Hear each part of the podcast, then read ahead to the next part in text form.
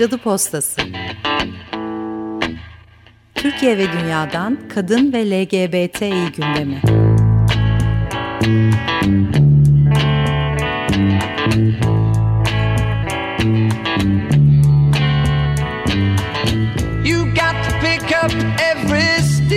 Hazırlayan ve sunanlar Burcu Karakaş ve Çiçek Tahaoğlu.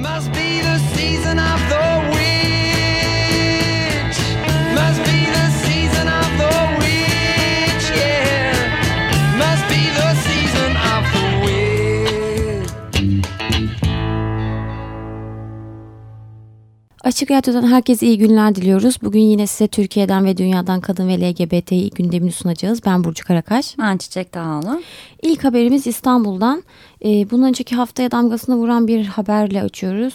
E, İstanbul'da e, otogarda işlenen bir cinayet oldu. E, Mardin'den kaçan iki kişi. Bunların e, bu iki kişinin sevgili olduğu iddia edildi. Sonrasında da bunun doğru olduğu yönünde çeşitli beyanlar oldu. Ama biz bunu size niye sunuyoruz? Çünkü e, özellikle ana akımda bu e, haberi ilişkin e, töre lafı çok kullanıldı. Yine söylemle ilgili bir sıkıntı. E, mesela birkaç tane başlık paylaşalım size. E, töre cinayetinde şok gerçek. E, bazı haberlerde işte bunu e, töre dehşeti diye sundu. E, işte bahsedilen kişinin e, Hamdullah e, adlı bir e, genç adam bu cinayette hayatını kaybetti.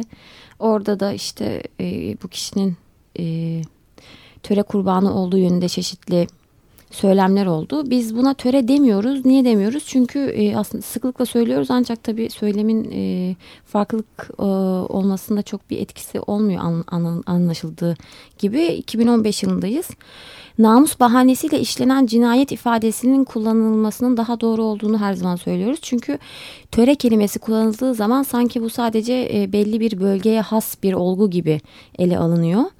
E, ki bir de bu haberlerde sorunlu benim bulduğum bir e, olay da burada tabii bir erkek var o hayatını kaybetti bir de bir genç kadın var kendisi 19 yaşında ve hala İstanbul'da e, bir hastanede kendisi bazı haberlerde ismi açık açık yazıyordu yani soyadını koymamışlar ki bazılarında soyadı bile vardı hani hali hazırda zaten böyle bir e, tehlikeyle e, karşı karşıyayken hani isminin açık açık bulunması tabii hoş değil.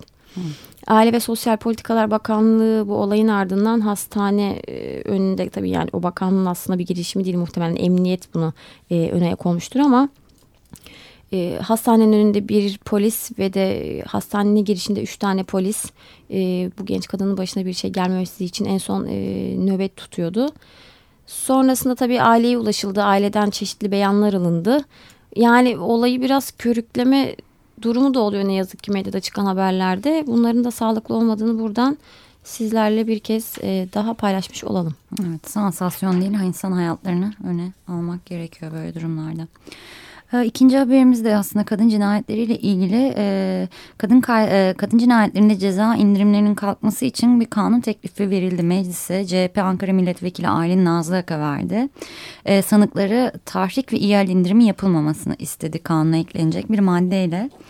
E, Nazlı Aka sunduğu kanun teklifinin gerekçesinde erkek şiddeti davalarında sanıkların takım elbise giymeleri, dava esnasında efendi tırnak içinde durmalarının iyi hal indirimine neden olduğunu hatırlattı ve e, öldürülen ya da şiddet uğrayan şiddete uğrayan kadınların ise giydikleri elbiselerin rengi, makyaj yapmaları, evlerine bir saat geç gelmeleri, cep telefonuyla sıkça konuşması gibi nedenler tahrik sayılarak büyük ceza indirimleri uygulanmaktadır dedi. Nazaka. Evet bu maalesef e, kadın cinayeti davalarında böyle oluyor. E, biz takip ettiğimiz davalarda da bunu çok görüyoruz. E, geçtiğimiz sene ben bunun bir oranını çıkarmaya çalışmıştım. Oradan paylaşayım size oranını. E, 1 Mart 2013 ile e, 31 Ocak 2014 arasında e, ulusal ve yerel medyaya ve internete yansıyan erkek şiddeti davalarında katillerin aldığı cezaları e, incelemiştik. Sonuca bağlanan davalarda diyeyim ve e, katillerin yüzde 45'inin yani yarısının neredeyse tahrik ve ihal indirimlerinden e, faydalandığını görmüştük. Hmm, Nazlı aslında bu ihal indirimlerine gerekçe olarak sunulan durumları anlatmış ama ben de hani bu benim incelediğim vakalarda yine çok benzerdi. Onları kısaca sayayım. E, töre cinayeti farklı, namus cinayeti farklıdır diye bir gerekçeli karar vardı örneğin. Demin sunduğumuz habere birazcık e, neden e, neyi neden nasıl dememiz gerektiğine ilişkinde bir fikir verecektir belki bu gerekçe. E, cinayetten duyulan pişmanlık, katilin duruşmaya takım elbiseyle gelmesi yine. E, katilin şüpheciliği, bu şüphecilik kelimesi gerekçeli kararlarda vardı. E, öldürülen kadının internetten başkalarıyla konuşması, ee, bir kadının e, bu vakayı net hatırlıyorum bir kadının kocasına e, sen kendini ne zannediyorsun sen adam mısın demesi bile e, tahrik ve tahrik indirimine neden olabiliyor. E, dedik ki katillerin yüzde 45'i tahrik ve ihal indirimlerinden faydalandı. E, ağırlaştırılmış müebbet alanların oranı e, bu aralıkta yüzde 30. Müebbet hapis alanların oranı da yüzde 35. E, geri kalan cezalar e, 2 yıl ile 27 yıl arasında değişmişti ama e, bir kadın öldürüp 2 yıl ceza e, yatıp da çıkılabiliyor bu hukuk sisteminde. O yüzden e, Nazlı Akın'ın bu e, kanun teklifinin değerlendirilmesini umut ediyoruz diyelim. Evet. Şimdi sırada bir e, rapor sunacağız size. Kadınlarla Dayanışma Vakfı Friedrich e, Ebert Stiftung Derneği'nin desteğiyle bir e, rapor hazırladı. Bu hafta bununla ilgili bir e, basın açıklaması oldu. Bu raporun adı Sendikasız Kadınlar, e, Kadınsız Sendikalar. Şimdi tabii aslında sendika denildiği zaman hani toplumsal cinsiyet eşitliğine daha hassas bir kurum olmasını bekliyoruz. Ancak ne yazık ki e, Türkiye'de hemen her kurumda olduğu gibi sendikalarda bu konuyla ilgili sorunlar var. E, aslında rapor hiç iç açıcı değil. Aksine e, epey sorun olduğunu gösteriyor. Tabii biz bunu burada şimdi size birkaç tane anca e, tespiti sunabileceğiz. Mesela ilkini okuyayım. Sendikalarda kadınların e, gerçek işçi olarak sayılmadığı yönünde bir e, tespit var. E, bu yüzden de kadınların örgütlenmesi erkeklerin örgütlenmesinden sonra gelen tali bir sorun olarak e, ele alınıyor diyor mesela bu rapor. Sonrasında e, kotalarda tüzükte yer alması çoğu katılımcı tarafından e, gereksiz bulunuyor. Kadın sendikacıların da dahil olduğu bir kesimi söylüyoruz. Bu kota tabii ki ne? E, kadınların yer alması için söylenen bir şey. Sonrasında sendikalardaki semboller, afişler kadınların sendikal alanda var olup olmadığının önemli bir kanıtı olduğu söyleniyor raporda. Ancak ne yazık ki sendika, sendika binalarında ve bu sendikalar tarafından hazırlanan yayınlarda yer alan fotoğraflarda nadiren kadınların göründüğü açıların yer aldığı da ayrı, ayrı bir tespit. Ee, bir başka tespitte e, biliyorsunuz tabii cinsel taciz önemli bir sorun. Ve burada da şöyle deniyor. Toplumda e, cinsel taciz ve şiddet suçları çok yaygın vakalar olmasına rağmen e, yöneticilere göre örgütlü oldukları iş yerlerinde bu suçlar ya hiç yok ya da çok az. E, tabii bu da raporda önemli bir sorun olarak yer alıyor. Peki bunlara ilişkin öneriler neler? E, mesela bir tanesi siyasi partilerde e, olan eş başkanlık olgusundan ilhamla kadın erkek e, temsilcilerin yer aldığı eş e, temsilciliklerin e, temsilciliklerin oluşturulması gerektiği yönünde bir öneri var. Sonrasında sendika içi kadın yapılarının mutlaka e, oluşturulması gerektiği. Bir diğer tespitte sendikalarda dil söylen fotoğraf ve sembollerin sembollerde kadınların daha görünür olduğu bir şekilde ele alınması gerektiği e, ve de sendikaların tüzüklerinde yer alan cinsiyetçi dilin ayıklanması. Önemli bir rapor. Umarız sendikalar tarafından bu rapor e, dikkate alınır diyelim. Evet. Ee, bir sonraki haberimiz e, Grevio ile İstanbul Sözleşmesi ile ilgili e, Profesör Doktor Feride Acar İstanbul Sözleşmesi'nin denetim organı olan Grevio kuruluna adaylık için Aile ve Sosyal Politikalar Bakanlığı'nın resmi başvuruda bulundu. E, Feride Acar aslında e, 69 Bağımsız Kadın ve LGBT örgütünden oluşan İstanbul Sözleşmesi e, izleme platformunun da Grevio adaylarından biriydi. Bu platform e, geçtiğimiz aylarda Kasım ayında sanırım e, Grevio adaylarını açıklamıştı ve Grevio sürecine dahil olmak istediğini söylemişti. Önceki programlardan hatırlarsanız bu konuya sık sık değinmiştik sivil toplum kuruluşlarının bu sürecin dışında bırakıldığına dair açıklamaları vardı onları okumuştuk. Ee, ama Feride Acar e, çok önemli bir isim. E, böyle bir denetim organında yer alması gereken bir isim aslında. E, kısaca kim olduğunu anlatalım. Profesör Doktor Acar e, toplumsal cinsiyet eşitliği ve kadınların insan hakları konularında Dünya Bankası, Birleşmiş Milletler Kalkınma Programı ve Avrupa Birliği gibi kurumlar için uluslararası danışman olarak görev yaptı. 2005'ten beri şimdi de devam eden bir durum olarak Avrupa Konseyi kadınlara karşı şiddetle mücadele görev gücünde uluslararası uzman olarak e, çalışıyor. E, Birleşmiş Milletler e, yani SEDAV e, üyesi aynı zamanda Birleşmiş Milletler kadınlara karşı her türlü ayrımcılığın önlenmesi sözleşmesinin e, denetim organı olan e, denetim organına üye, tekrar üçüncü dönem üye seçildi e, Feride Acar. 2015-2018 dönemi için önümüzdeki dönem için tekrar üye seçildi ve 2003-2005 döneminde de SEDA'da başkanlık yapmıştı. Dolayısıyla İstanbul Sözleşmesi için önemli bir isim olduğunu düşünüyorum. Bakalım önümüzdeki günlerde bu konuyla ilgili neler olacak. Şimdi sıradaki haber benim bu e, hafta kan beynime sıçradı bunu okuduğum zaman. Gerçekten inanılmaz sinirlendim ve inanılır gibi değil çünkü. Avukat Yavuz Balkan adlı bir şahıs meclise bir dilekçe verdi. Kendisinin şöyle bir tespiti olmuş. Erkekler cinsel ihtiyaçlarını karşılayamadığı için e, tecavüz ediyor e, ve işte, cinayet işliyor diye. Bununla ilgili olarak da verdiği bu dilekçede bekar erkeklere cinsel ihtiyaçlarını karşılamak üzere ödenek ayrılmasını istedi kendisi. Ve bir e, ücret de kendisi belirlemiş. Demiş ki haftalık en fazla 75 lira ödenek ayrılsın. TBMM Dilekçe Komisyonu bu dilekçeyi incelemiş. Komisyon bu tür yasal düzenleme alanına giren bir konuda komisyonun yapacağı herhangi bir işlemin olmadığını belirterek e, milletvekillerin dikkatine sunmuş bunu. Şimdi bu da ayrı bir tabii ayrı bir, bir durum. Habertürk'te Salih Çolak'ın e, haberiydi bu. Kendisi Salih'a e, 25 yıllık avukat Yavuz Balkan'a ulaşmış. Habertürk gazetesinde yer alan ifadelerini kısaca size okumak istiyorum. Benim bu zamana kadar yaptığım e, gözlemlere göre kadına yönelik şiddet ve cinayetlerin %80'i toplumda erkeklerin cinsel ihtiyaçlarının e, giderilememesinden kaynaklanıyor. %10'u da kocaların evden uzaklaştırılması kararından kaynaklanıyor. Kocalar evden uzaklaştırma kararını kendilerine yediremiyor, erkeklerine e, erkeklerine yediremiyorlar. Aşık Veysel'in güzelliğin on para etmez bu bendeki aşk olmasa sözüne bakın. Yani insanları aşık eden hormonları insanoğlunu kadın olsun erkek olsun tabiri caiz ise çıldırtan hormonal faaliyetleri bir noktada bu hormonlardan kaynaklı ihtiyaçların giderilmesi gerekiyor. Bu ihtiyaç giderilmezse bu durumda ya kadına tecavüz ediliyor ya elle sarkıntılık ediliyor ya da kadınlar öldürülüyor şeklinde bir açıklaması olmuş. Yani gerçekten e, yani diyecek bir şey bulamıyorum. Yani bu insan hukuk fakültesi okumuş bir insan ama işte hani... E... Ben şeyi de anlamadım. Ayda 75 lirayla ne yapacaklarmış erkekler? Onun da bir soru işareti olarak kafamda. Gördün mü ona da açık Yok yani onu herhalde zaten okuyan kişinin anladığını e, varsayarak herhalde öyle bir ücret belirlemiş. Hani ne yapabilir? İşte yani ben hakikaten anlayamadım tam olarak gidersin. ihtiyacını nasıl gidereceğini.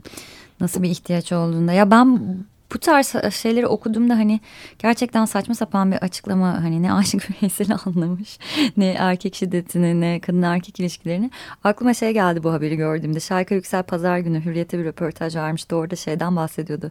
Erkekler kendilerini bu duruma nasıl düşürebiliyorlar? Evet. Yani bunu okuduğumda benim kafamda oluşan ilk soru o. Yani benim bir tanıdığım böyle bir dilekçe verse bu haber olsa ben onunla ne aynı kapalı alanda bulunabilirim o saatten sonra. Yani bütün ne, yani nasıl bir zihniyetle bunu düşünüp bunu kurgulayıp böyle bir şey yapıyor sorguluyor insan. Neyse akıl fikir dileyelim avukata e, Yavuz Balkan'a. Evet e, şimdi bir kısa ara verelim şarkımız var sonrasında biz tekrardan buradayız.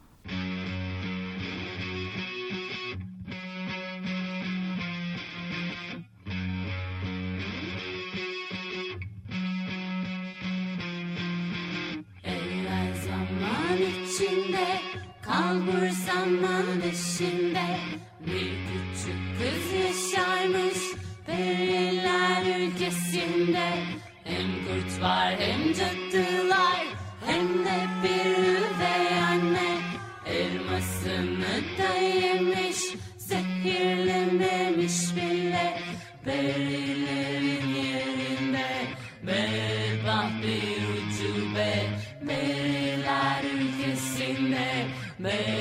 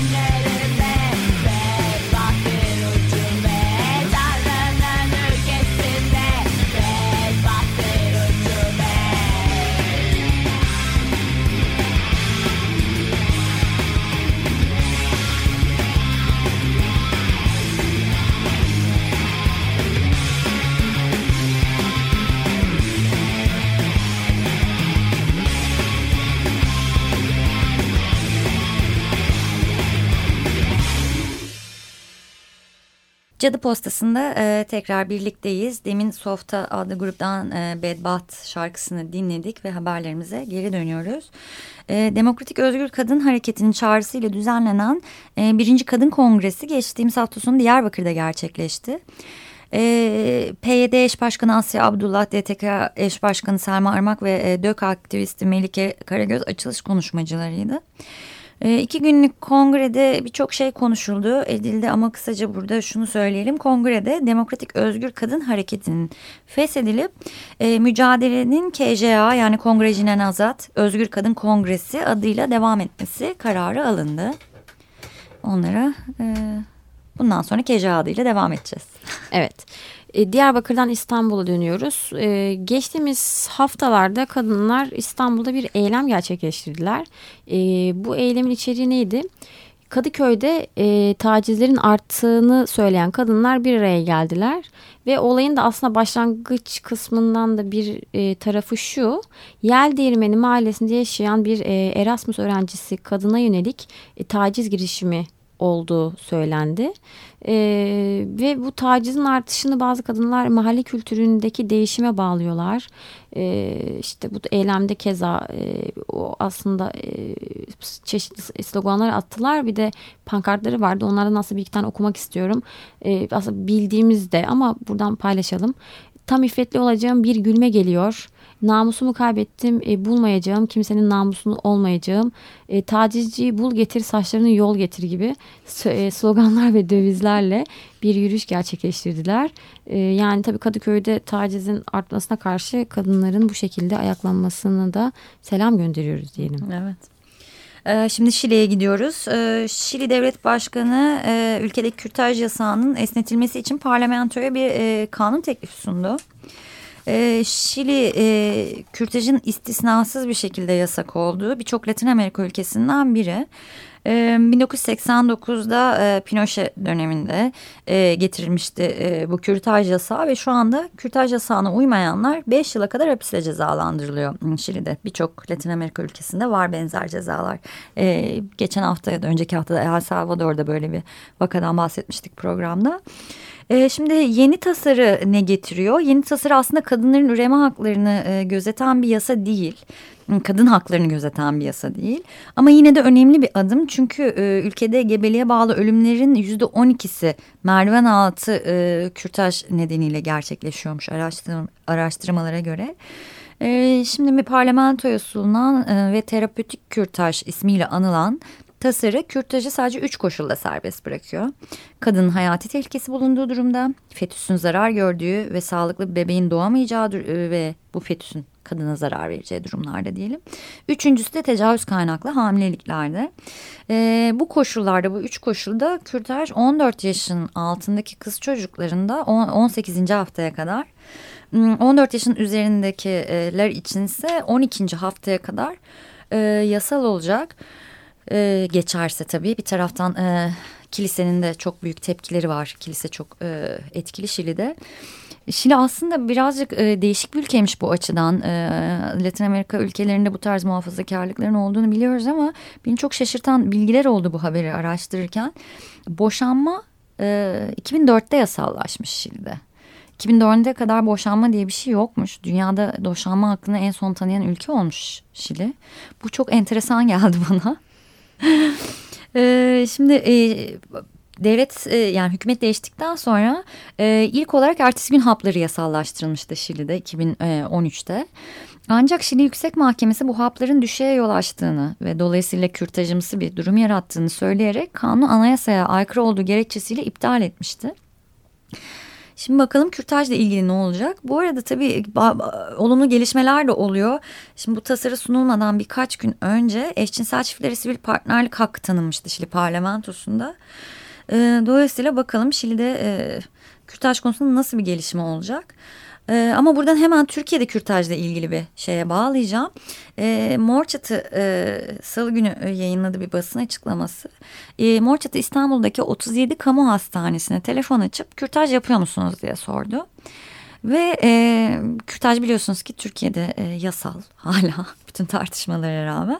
Sadece 3 kamu hastanesi isteğe bağlı kürtaj yaptığını söylüyor. 12'si hiçbir şekilde yani aynı Şili'deki gibi hiçbir şekilde kürtaj yapmadığını söylüyor.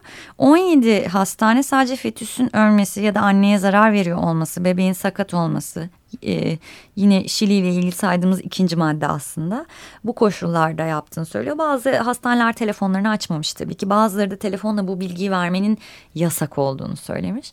Tabii bu birazcık komik çünkü hani açanlar kürtajın yasak olduğunu söylemiş bazıları. Bazıları telefonla bu bilgiyi yasak olduğunu, e, vermenin yasak olduğunu söylemiş.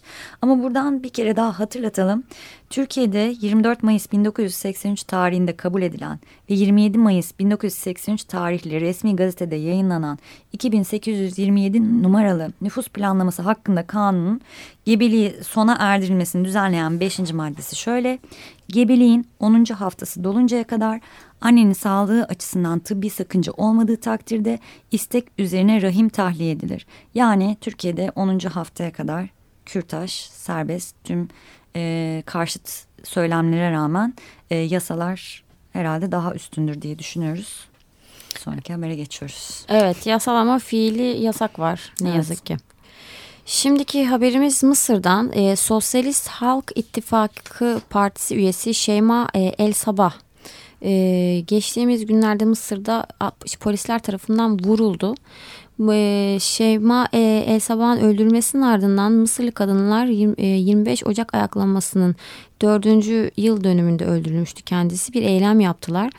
E, aslında beni çok etkileyen bir fotoğraf oldu. E, belki Facebook sayfamızdan da bunu paylaşırız. E, gerçekten çok e, etkileyici bir fotoğraf. Evet, polis şiddeti için çok evet, sembol olmuş yani. Evet tam kocasının kucağında can veriyor ve o sıra ayakta. E, Mısır'da 30 yıllık Hüsnü Mübarek e, yönetimine son veren e, ayaklanmaların yıl dönümünden bir gün önce e, kendisi 24 Ocak'ta öldürüldü. Eyleme katılanlar hükümet karşı sloganlar atarken İçişleri Bakanı Muhammed İbrahim'in fotoğrafların üzerinde katil aranıyor yazılı afişler tuttu ve e, sadece aslında Mısır'da değil ben bu hafta içi gördüğüm kadarıyla Paris'te de Şeyma'nın öldürülmesiyle evet. ilgili e, eylemler yapıldı. O da bu şekilde anıldı. E, bunu da buradan paylaşmış olalım. Evet. Şimdi Polonya'ya gidelim. Güzel bir haber. Polonya'nın ilk trans milletvekili olan Anna Grodzka Mayıs ayındaki Polonya Cumhurbaşkanları seçimlerinde aday olduğunu açıkladı.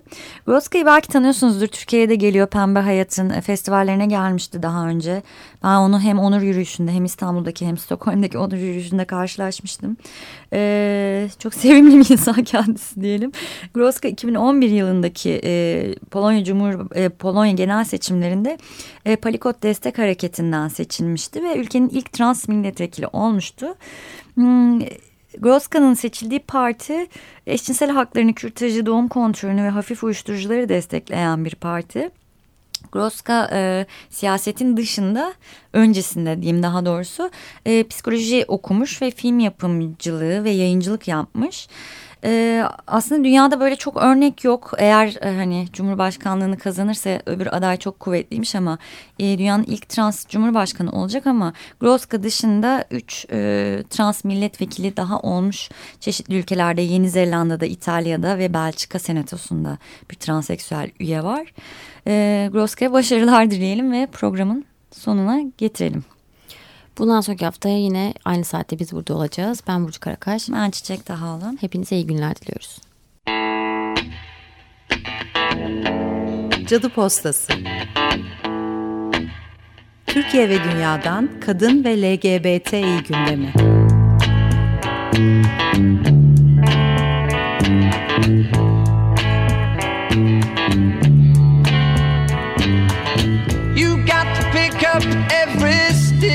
Hazırlayan ve sunanlar Burcu Karakaş ve Çiçek Tahaoğlu.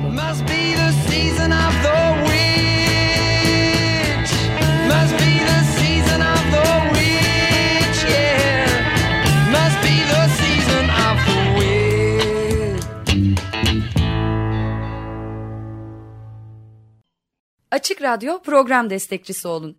Bir veya daha fazla programa destek olmak için 212 alan koduyla 343 41 41